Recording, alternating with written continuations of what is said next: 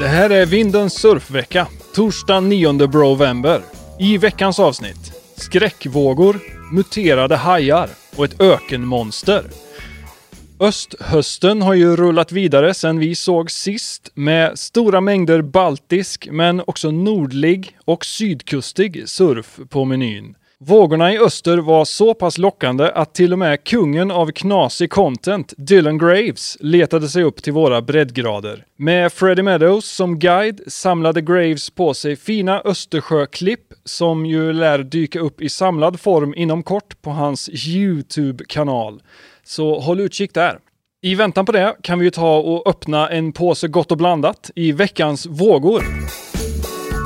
Apropå tidigare nämnda knasiga content har jag letat efter lite mer ovanliga vågor den här gången. Det här är det konstigaste jag kunde hitta den här veckan. På tredje plats har vi den här rampen som bryter i cirka 3 cm djupt vatten. Farten på Junior Lagustas rotation är extra snabb och storleken på hans fenor var förhoppningsvis extra, extra smal. På andra plats har vi den här vänstern som verkar bryta i något som liknar Göta älv, men som faktiskt är Vitoria i Brasilien.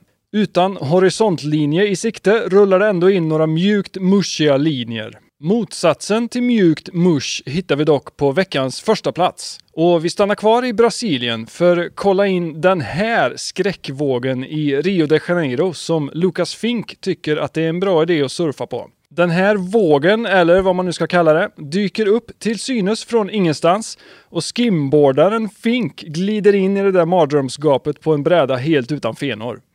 Och tydligen helt utan spärrar.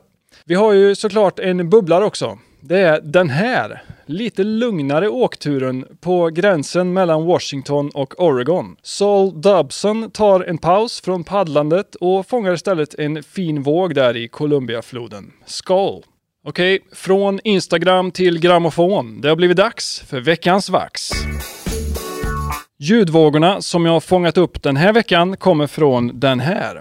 Seed of Memory med Terry Reid från 1976. Reid är kanske mest känd för att han tackade nej till att bli sångare i det som skulle bli Led Zeppelin. Men han klarade sig faktiskt rätt bra på egen hand också, framförallt på den här skivan. Om du hoppas på att swellet ska öka på hemmaplan, men prognosen ser mörk ut, då kan du sätta på första spåret, Faith to Arise. Den går så här.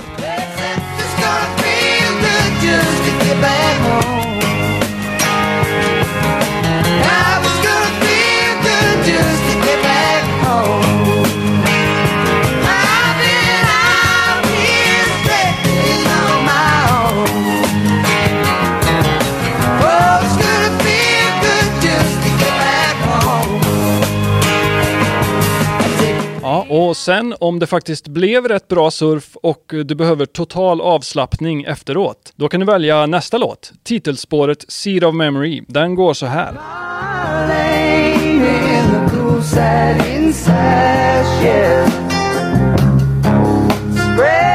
Bring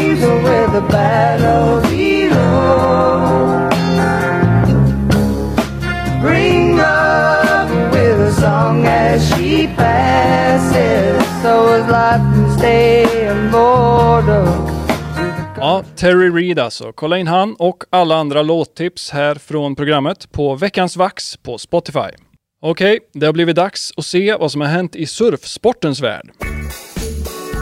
Kvalseriens blågula bidrag, Kian Martin, befinner sig i den lilla fiskehamnen Träslövs... eller förlåt, Jinsun för QS 5000-tävlingen Taiwan Open. Kian kom tvåa i sitt första hit och behöver ta sig igenom tredje rundan. Men att döma av de här läppsmällarna borde inte det vara något större hinder för honom. Förutom Martins svängar hajade jag till lite av att både Margison Jr och Okilupo Jr fanns med i startfältet. Stilen och trycket i svängarna har helt klart gått i arv i båda fallen. Och det var ju kul att se, men också lite deppigt att se då det fick mig att känna mig 300 år gammal. Tävlingen pågår till på söndag och streamas på World Surf Leagues YouTube-kanal som du hittar i länken här nere. Någon som aldrig blir gammal är ju, just det, Kelly Slater. Vi kan väl ta och kolla in vad geten har gjort sen sist i Kellykollen.